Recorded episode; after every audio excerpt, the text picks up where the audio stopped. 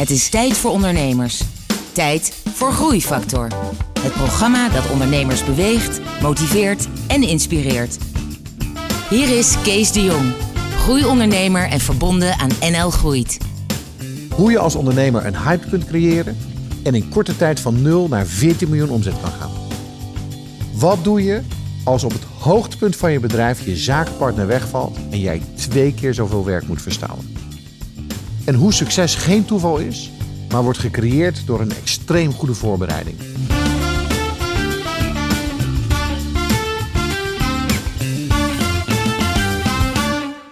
Welkom bij een nieuwe aflevering van Groeifactor. Het programma dat ondernemers beweegt, motiveert en inspireert. Met een openhartig gesprek. Bij mij op de bank een inspirerende onderneemster, Nathalie Mangus. Welkom. Dankjewel. Nathalie, om te beginnen, Noosa. Ik denk dat een deel van de luisteraars het kent, maar een groter deel niet. Ja, Wat dat doet eh, Noosa? kan ik me voorstellen. Eh Noosa is een, eh, een lifestyle merk voor vrouwen. En het is eigenlijk een, een, een combinatie van accessoires en sieraden. Opgericht in 2009. Eh, en eigenlijk vanuit het idee om een merk voor riemen op de markt te brengen. Waarmee we onderscheidend wilden zijn. En waarmee we ook echt een verhaal willen uitdragen. Ja. En, en nu denken de helft van de luisteraars denkt, oh, weer zo'n sieradenmerk en hè, hebben we er weer eentje. Mhm. Jullie hadden vrij snel een hit Ja, en ja, dat heette Chunks. ja, dat klopt. Ja. En, en, en voor degene die nu denken naar Chunks, het zijn van die kleine knopjes en knoopjes eh, die je als sieraad kan gebruiken. En binnen een paar jaar zat jij van 0 naar 14 miljoen omzet. Ja, ja, dat klopt. Ja, het, je, je verwoordt het mooi en het klinkt echt ook heel simpel eh, op die manier. Ja. Uh, zo simpel eh, was het toch niet eh, voor ons. Het concept is inderdaad wat we destijds hebben bedacht met chunks, de zogeheten chunks, de terugknopen zoals je omschrijft. Uh, was echt een, nou, een hele bevalling tot we daar waren. Want we zijn echt het merk gestart vanuit een, een gedachte van wij willen de consument iets brengen, uh, een verhaal, een toegevoegde waarde. En we zijn echt het merk gaan uitdenken, nog maar zonder dat wij uh, een product of de uitwerking zoals die er uh, op een gegeven moment ontstond, er was. En het is dus echt een voortvloeisel gekomen uit waar dat merk voor stond. Ja. En dat maakt het eigenlijk ook wel, ja, vind ik bijzonder zelf, omdat vaak Het, een het, merk was geen ontstaat. happy, het was geen happy accident. Het was gewoon eigenlijk ja. noest werk Ja, om absoluut. uiteindelijk daar te komen. Laten we eens beginnen met jouzelf. Want eh, heb je hiervoor een ander bedrijf gehad voordat je Noosa begon? Nee, ik ben, uh, mijn uh, achtergrond is dat ik uh, gewerkt heb bij een aantal grote bedrijven. in de fast moving ja. consumer goods met name. bij Coca-Cola, Friese Vlag, Sara Lee, Red Bull. En daar heb ik eigenlijk verschillende commerciële functies gedaan. variërend van sales, marketing, product development. En het leuke was wel dat ik zat wel altijd in die bedrijven met het idee... ik ga ooit zelf een bedrijf starten. Waar, En waar dat- kwam dat vandaan? Dat Kom je uit een ondernemersnest? eh, niet per se. Mijn eh, ouders zijn allebei fysiotherapeut. Eh, wel met eigen praktijk, maar niet in de zin dat het echt hè, een commercieel bedrijf eh, was. Eh, het was iets wat ik eigenlijk al, ehm, denk best wel jong eh, eh, eh, interessant vond. Ik, eh, ik herinner me nog de tijd van, eh, van de kubus. Eh, en dat was echt een uitvinding. De- van de die, Rubik's Cube. Ja, de Rubik's Cube. En ik had echt toen op zo'n moment dat ik dacht, ik, ga, ik wil later ook zoiets uitvinden. Zoiets wat Maar dat dan was in echt één een keer. hype. Dat was een hype, absoluut. Wereldwijd. Ja. Iedereen had zo'n ding. Hetzel, hetzelfde gedachte had ik toen ik klein was over de flippo's. Dat vond ik echt mega interessant dat er iets was wat in één keer iedereen wilde hebben. En eh, eigenlijk vind ik het ook dus best tof dat het eh, ja, zo is gegaan. is. Dat er ook inderdaad met Chunks ook een enorme hype is ontstaan. Wat gebeurde er in 2008 dat je uiteindelijk de beslissing hebt gemaakt... oké, nu ga ik het doen. Ehm, nou, ik ben eh, twee keer op een eh, lange, be- twee keer ben ik een lange reis gaan maken, een wereldreis. En eh, in de eerste keer was ik al bezig met, ik wil graag een eigen bedrijf gaan starten, maar ik, ik durfde nog niet. Ik eh, had twijfels of ik het wel kon. En ik vond dat ik nog dingen moest leren. Toen ben ik dus heel erg op zoek gegaan naar wat wil ik nog leren. Dat was het productontwikkelingsstuk. Ben ik bij Friese Vlag gaan werken. En toen ben ik weer een reis gaan maken daarna vanuit de gedachte, nu is het moment. Ik ga nu echt voor mezelf beginnen. Ik ga niet meer als ik terugkom voor een, voor een baas werken, maar ik ga het eh, echt zelf doen. Mijn drijfveer voor het ondernemerschap is ook vrijheid. Ik wil altijd het gevoel hebben dat ik keuzes heb om dingen te doen waar ik op dat moment eh, echt eh, behoefte aan heb. Hè. Mijn Mhm. reis was er daar één van. Daar had ik in het verleden ook naartoe gewerkt van nou, ergens wil ik een reis maken, dus ik ga nu vast geld opzij zetten. Ergens wil ik een bedrijf starten, dus ik wil daar nu vast geld voor reserveren. Uh, dus dat hebben we gedaan, heb ik gedaan. En uh, ja, in 2008, uh, toen ik ja, uiteindelijk met het, een aantal businessplannen had uitgewerkt. Want de, hier is veel meer aan vooraf gegaan dan wat het nu is. Mm -hmm. Het was zeker niet zo dat er opeens het idee was van merk voor riemen. Maar nou, er zijn wel tien plannen aan vooraf gegaan en weer gekild en weer nieuw verzonnen. En, ik ben, en door, door, wie zijn die uiteindelijk gekild? Door jezelf? Door mijzelf, ja. ja. Ik ben eigenlijk, ik had in de fase dat ik terugkwam van mijn wereldreis, ben ik uh, allerlei ideeën gaan opschrijven. En ik ging toen interim werk doen om uh, daarnaast mijn plannen te kunnen uh, aandacht geven en daarmee aan de gang te kunnen gaan. Maar ik moest natuurlijk ergens van leven, dus vandaar mijn interim werk. Ja, iets factuurtje. Ja, tijd creëren door iets minder dan fulltime te werken. En met die plannen, toen op een gegeven moment ja, zat ik er naar te kijken. Dacht, ja, ik kan wel plannen blijven genereren, maar dan blijven het plannen. Dus hoe kom ik nou tot een keus in die plannen? En toen ben ik eigenlijk een stap verder gaan denken. Dat ik dacht van ja, al deze plannen vind ik leuk om uh, neer te zetten. De eerste fase. Maar ik wil uiteindelijk ook graag een bedrijf waar ik zelf een functie in ga vervullen. Waar ik blij van word en waar ik uh, energie van krijg. Ik ben toen zeg maar voor mezelf de persoonlijke visie gaan opschrijven. Mijn persoonlijke visie. En wat is daarin belangrijk? Dus ik wil heel simpel op de fiets naar mijn werk kunnen. Ik wil uh, regelmatig voor mijn werk naar het buitenland kunnen. Ik wil uh, internationaal bezig zijn met mensen daar iets kunnen bouwen. Ik wil dat een merk kan groeien. Daardoor kon ik een aantal ideeën gewoon laten vallen. Omdat ik dacht, ja, dat zit hier niet in. Je hebt eigenlijk een heel groot Excel-sheet gemaakt waar al die kruisjes stonden. Een soort. En dan... Ja, bijna wel. Maar het maakte voor mij dat ik daardoor kon trechteren van... hé, hey, er blijven een aantal hele duidelijke ideeën... of in ieder geval in uh, wat, welke richting het op moet. Ja. Uh, over. En, uh, maar dit is, wel, dit is wel grappig, want jouw indruk, nou ja, je bent een knappe blonde dame. Je hebt natuurlijk van die mooie armbandjes om met die dingen. Terwijl eigenlijk zit hier gewoon een, een, een ingenieur met een bril voor me, die heel methodisch op een, op een wetenschappelijke aanpak bijna een, een concept heeft ontwikkeld. Ja, ik denk ook dat dat wel zo is. Ja. En, uh, en het concept twee, zelf twee, is twee ook zo uh, ontwikkeld. Ja. ja. Ja, nee, het is grappig. Want mensen zeggen, goh, uh, inderdaad, accessoires en, en sieraden. Soms hoor ik mezelf dat ook zeggen. En dan denk ik, ja, maar dat is het eigenlijk toch niet helemaal. Want het is gewoon, ik zeg wel eens, ja, het is toevallig accessoires sieraden ja. waar ik nu dit in heb ontwikkeld. We zijn nu aangekomen bij dat jij daadwerkelijk begon met jouw partner. Jij hebt, jij hebt voor dit concept gekozen. Uh, accessoires en, en, en sieraden. Maar, maar, hoe ging dat precies? Je hebt je baan opgezegd en toen? Ja, ja ik heb inderdaad mijn baan opgezegd. Uh, ben met uh, businessplannen aan de gang gegaan. Uh, uiteindelijk zat ik daar met mijn mooie plan en klaar om het te gaan realiseren. En toen dacht ik, ja, maar dat doe ik dus nu in mijn eentje. En eigenlijk wil ik heel graag met iemand samen dit neer gaan zetten. Omdat ik gewoon erin geloof dat Um, nou, 1 en 1 is 3. En uh, dat geldt zeker voor mij. Het is leuker, je haalt er meer plezier aan. Maar ook de moeilijkere dingen kun je met elkaar delen. Ja. En uh, je noemde net al even mijn uh, methodische werkwijze. Ook hierin had ik een, een methodische aanpak. Ik ben echt op zoek gegaan naar een businesspartner. Ik ben op bepaalde ondernemersplatforms mijn idee gaan pluggen. Hè, wel mhm. beknopt als het ware. En ben in mijn vriendenomgeving gaan zeggen... nou, ik zoek een businesspartner. Hebben jullie niet links met uh, mensen of ideeën met wie ik zou kunnen praten. Ik ben toen met heel veel mensen gaan praten. Dat was echt super leuk. En er zijn ook leuke contacten uitgekomen die nog steeds stand houden. En toen ben ik uh, ook met Alet in gesprek geraakt. Die op dat moment bij Ahold werkte. En ook eigenlijk bezig was met, nou, ik zou wel eens ooit mijn eigen bedrijf willen starten. We hebben bijna een soort van sollicitatiegesprek met elkaar gevoerd. Ik met, dit is mijn plan, ik wil een businesspartner en het moet volledig 50-50 zijn. We gaan er uh, volledig 100% voor.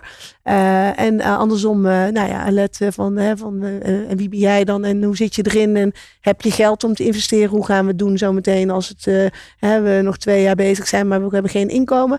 Dat soort vragen. En ik denk dat we na drie weken besloten van wij gaan dit samen doen. Alet zei ook haar baan op. En we zijn met ons uh, idee aan de gang gegaan. Maar, maar waar begon je mee? Ja. Was dat met, met de riemen? Ja, ja, ja, is een goeie. Um, we zijn inderdaad het merk gestart vanuit wij gaan een merk voor riemen op de markt brengen. Uh, vanuit inzicht, ja, je hebt heel veel mooie uh, accessoiremerken en, en tassen en sieraden. Maar voor riemen is er niks onderscheidends. Uh, niet wat echt ook een, een toegevoegde waarde qua beleving heeft. En daar zijn wij de invulling voor gaan bedenken. Ja. En had je dan al zoiets van, we willen duizend riemen per maand gaan verkopen? Of we willen ja. Hoe verzin je dat? Nou ja, we hadden dat, uh, we gingen uh, marktonderzoek doen. Dus wij zijn met uh, winkels gaan praten. We hadden gewoon een poeltje van eigenlijk kledingboutiques die wij vonden, hey, dit is een, een, een type winkel waar wij ons, ons merk zouden kunnen zien met het prijsniveau wat we voor ogen hadden. We zijn gaan toetsen. We zijn ons concept gaan bespreken. We zijn gaan vragen hoeveel riemen er verkocht worden, onze prijsstelling die we voor ogen hadden. We zijn gewoon consumenten op straat gaan vragen van, goh mevrouw, hoeveel riemen koopt u nou in een jaar? En hoe duur zijn die riemen? En, waar, en, en we zijn op een gegeven moment letterlijk met staaltjes leer, met tekeningen van ons concept op de, op de straat gaan staan. In Zaltbommel. Want we dachten, laten we vooral niet alleen Amsterdam doen, want dat is zo eenzijdig. Mhm. Eh, en we zijn echt die, die mensen dat gaan vragen. En daar kregen we echt goede learnings uit. Op basis waarvan we zeiden, ja, dan gaan we toch een forecast op maken. Hè? in mijn Excel. dus we hadden daar echt over van nou, zoveel riemen per week per winkel, zoveel chunks. En dat was natuurlijk super moeilijk, maar ja. Toen had je al het chunks idee. Ja.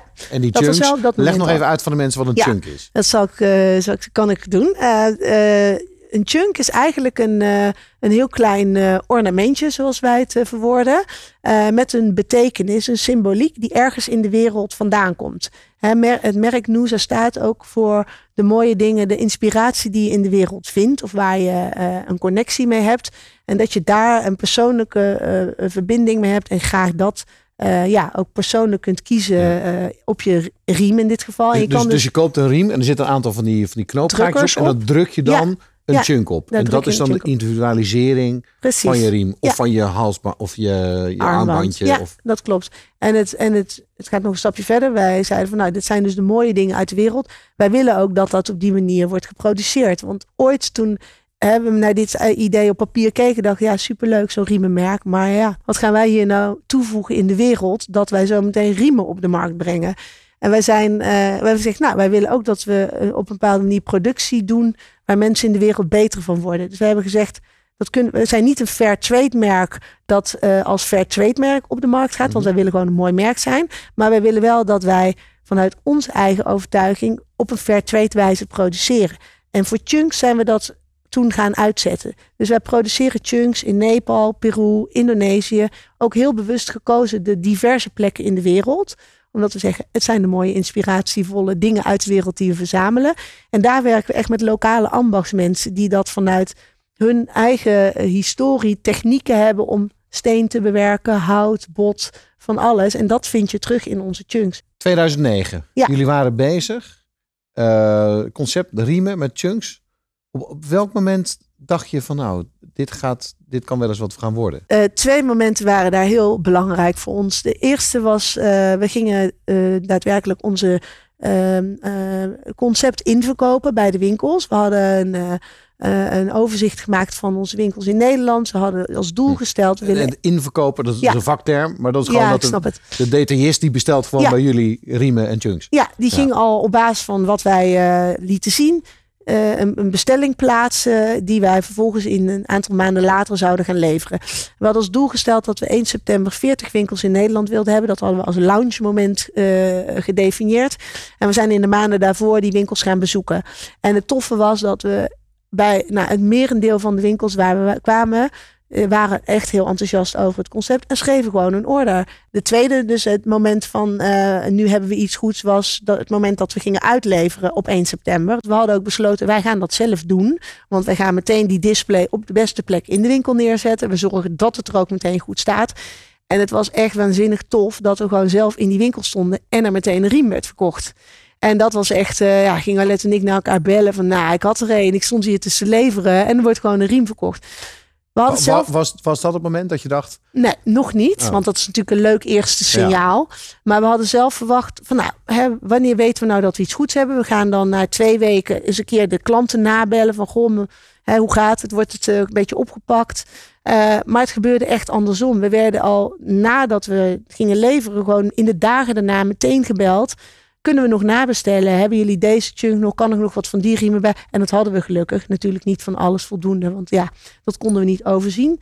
We kregen ook echt al na een paar weken winkels die onszelf gingen bellen van, goh, ik heb iets gezien, kan ik dat ook in mijn winkel verkopen? En we wisten echt na vier weken, we hebben gewoon iets goed. Dit is wat we hadden gehoopt. Dit is wat, ja.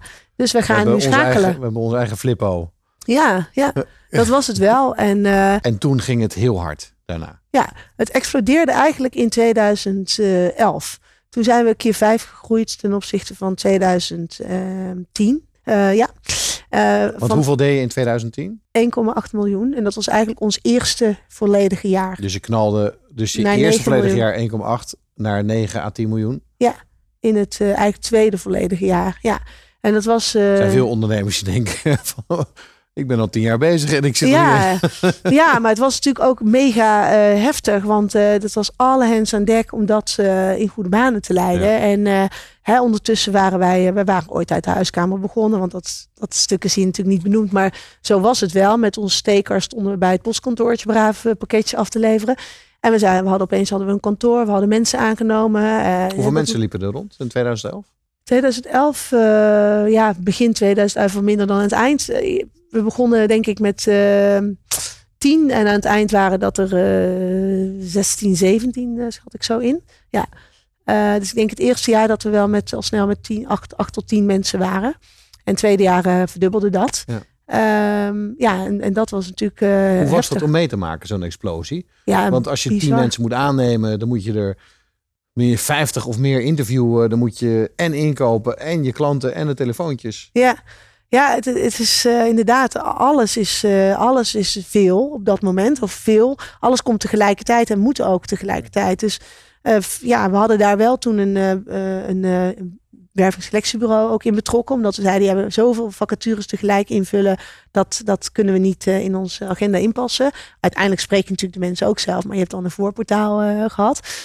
Um, dus ja, het was echt wel alle hens aan dek om dat te doen. En aan de andere kant natuurlijk ook gewoon ontzettend tof dat, je, dat we dat uh, ja, zagen gebeuren en gewoon ja. Uh, ja konden doen. En, dat, hè, en ondertussen waren we een soort van het schakelen om het voor elkaar te krijgen. Maar aan de andere kant ook weer vooruit aan het denken van ja, we moeten niet stilstaan. We moeten ook wel weer blijven vernieuwen.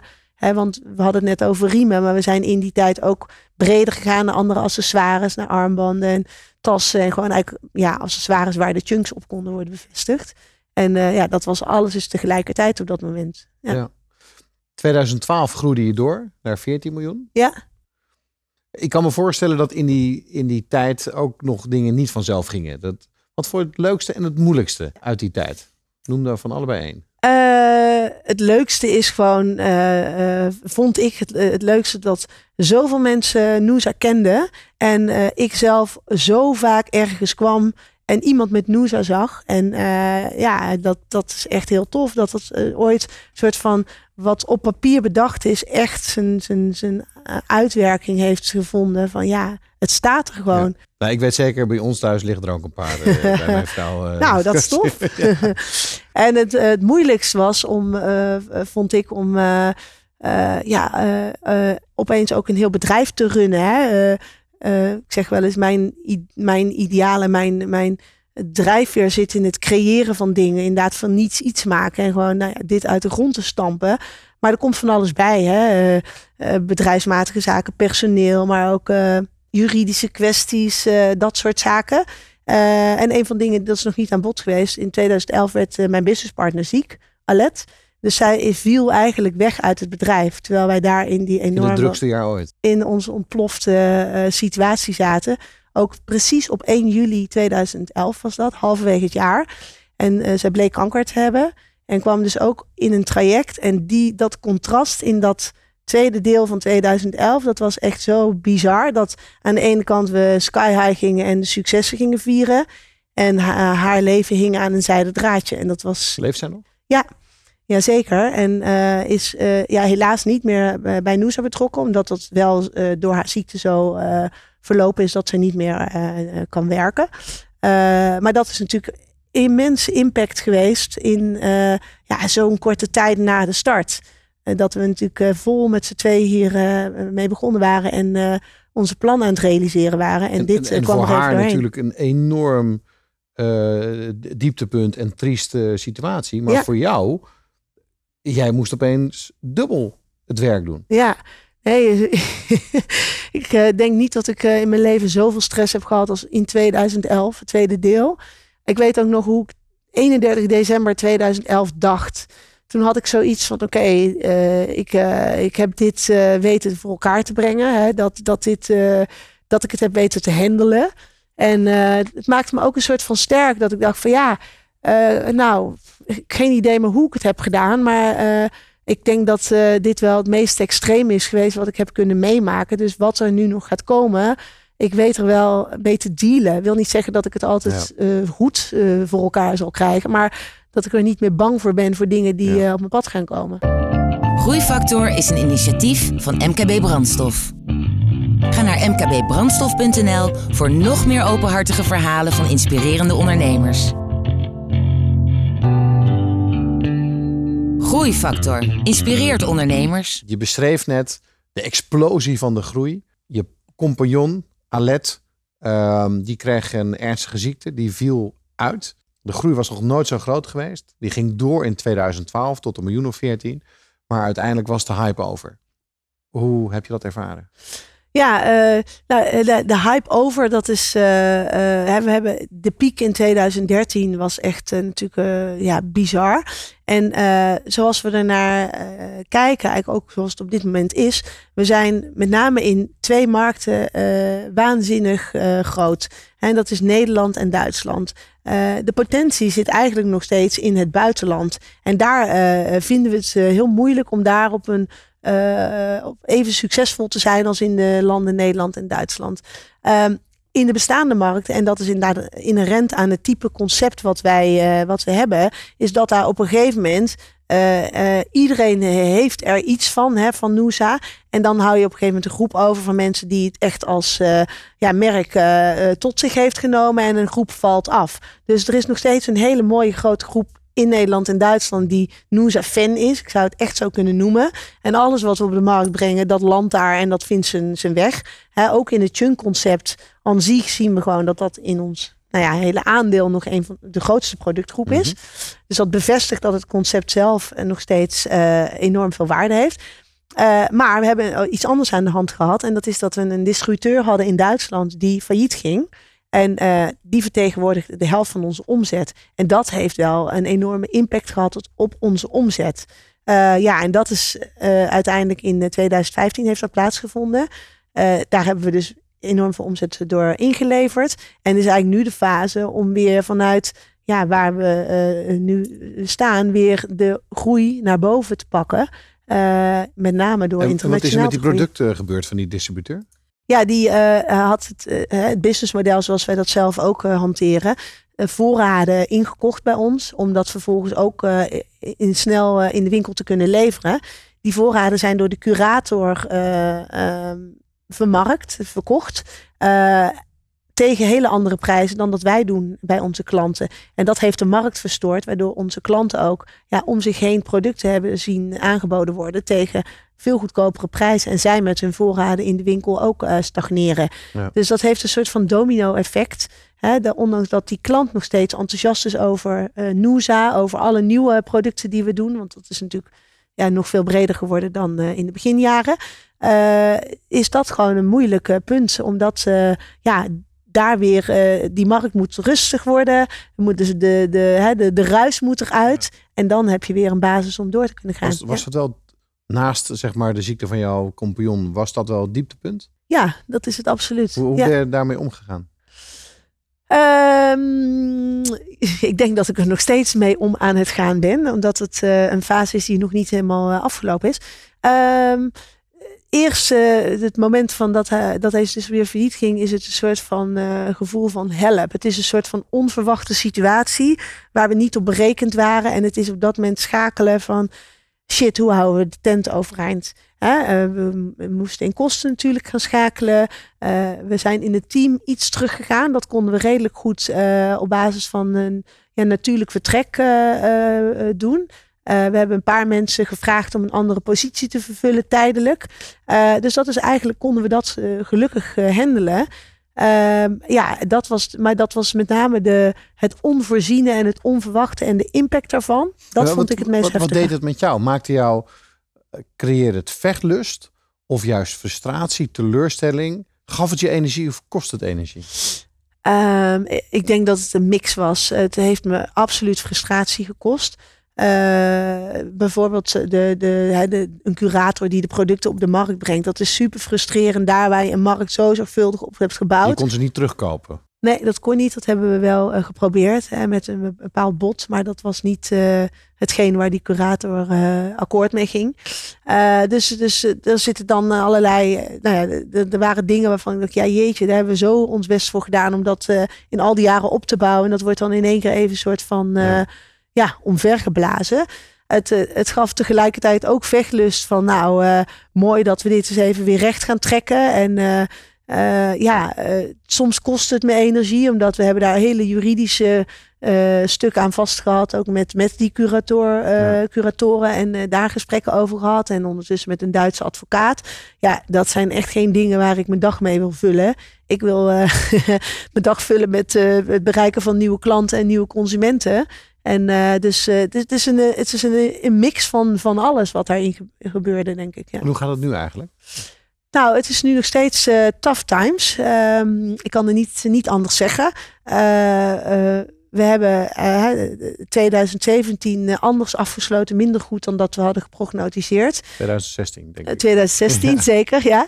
2017 hebben we echt weer een, neergezet als een, een, een, jaar van stabiliteit creëren. En ja, daar heb ik alle vertrouwen in dat we dat gaan doen. En daar ja, daar zijn we nu vol mee bezig. Ook met stabiliteit als in, in de markt en, en uh, bij onze klanten. Maar wel met voldoende nieuwe initiatieven. Ja. maar ook wat jou aangaf, er zijn voldoende buitenlandse markten waar het nog geen hype is geweest. Ja. Met andere woorden, die liggen misschien nog braak. Ja. Of zijn er misschien concurrenten op ingesprongen? Uh, er zijn zeker concurrenten ontstaan. Hè? Want er zijn in de, in de jaren dat we bezig zijn veel copycats uh, op de markt gekomen. Die vind ik zelf nog minder bedreigend als concurrent dan uh, een, een, concept wat vergelijkbaar zou zijn. Maar uh, dus, dus ja, er is, er is nog niet een, een buitenlandse in de markt, een, echt een merk wat een vergelijkbaar concept heeft neergezet waarvan we kunnen zeggen, oh, die markt is nu eigenlijk al ingenomen. Ja. Maar daar ligt potentie. En dat is ook zeker iets waar we mee bezig zijn om dat ja, te gaan realiseren. Ja. Hey, waar put jij je inspiratie uit? Uit andere ondernemers, heel veel. Um, maar ook uh, ja, door, door de dingen in de wereld. Dus mijn reis, reizen destijds waren inspiratiebron. En, Die stond op dat lijstje waar ja. jouw bedrijf aan moest voldoen. Ja, precies. Ja.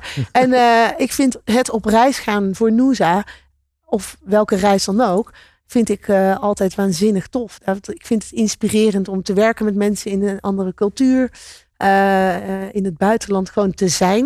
Um, maar ik haal ook inspiratie uit uh, sport, omdat daarmee mijn gedachten leeg wordt en vrij wordt. En ik nou ja, daar zelf weer tot andere ideeën kom. Ja, en welke sport doe je dan? Nou, ik ben veel aan het uh, hardlopen. Nou, dat zeg ik nu wel. Ik liep veel hard. ik doe nu naast mijn best om weer meer te gaan hardlopen. Want je hebt ook kinderen gekregen. Ja, dat is inderdaad een minor detail. In ja. deze fase, afgelopen jaar heb ik twee kinderen gekregen. Ja, want toen en, je net binnenkwam hier, toen vroeg hoe ging het? En toen zei je, nou, slaap weinig en het is druk en alle ballen in de lucht houden. Ja, dat is het ook, ja. ja. Dus uh, nee, dat is zeker. dus, dus ja, er is een, in de afgelopen jaren veel bijgekomen. Hè. Noosa is natuurlijk veel in mijn leven. Maar twee kindjes is ook veel erbij en een vriend. Hm. Dus, maar ja, ook iets waar ik natuurlijk zelf volledig voor kies. En wat alleen maar mooi is dat dat ja, in deze fase er is. Wat zijn jij nou jouw belangrijkste inzichten en lessen? Um, ja, dat zijn er best veel. Um, de top drie. Ja. Op drie. Mijn uh, uh, belangrijkste inzicht is dat ik uh,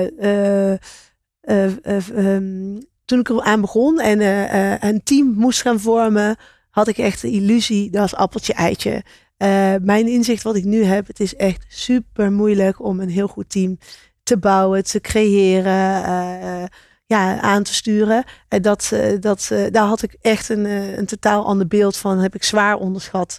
Um, ander inzicht is dat ik ook heb van door de manier van hoe we, wij iets zijn gaan doen. Door uh, niet het idee wat we hadden was heel tof en onderscheidend. Maar het succes is ook mede voortgekomen uit hoe doordacht we alles hebben neergezet. En dat ik uh, ja, daarmee wel een soort van overtuigd ben. Ik zou nog wel een paar keer dit kunnen doen op een andere manier. Ik kan ook, omdat het uh, geen toeval was. Het is geen toeval. Het was voorbereiding, marktonderzoek. En, met consumenten praten, met je retail praten. Ja. Absoluut, ja. En dat dus ook ik uh, heel erg zie waar, waarmee het verschil gemaakt kan worden ten opzichte van heel veel andere merken, bedrijven die er zijn. En dat dat, dat, dat ook die is. wellicht ook maar wat doen.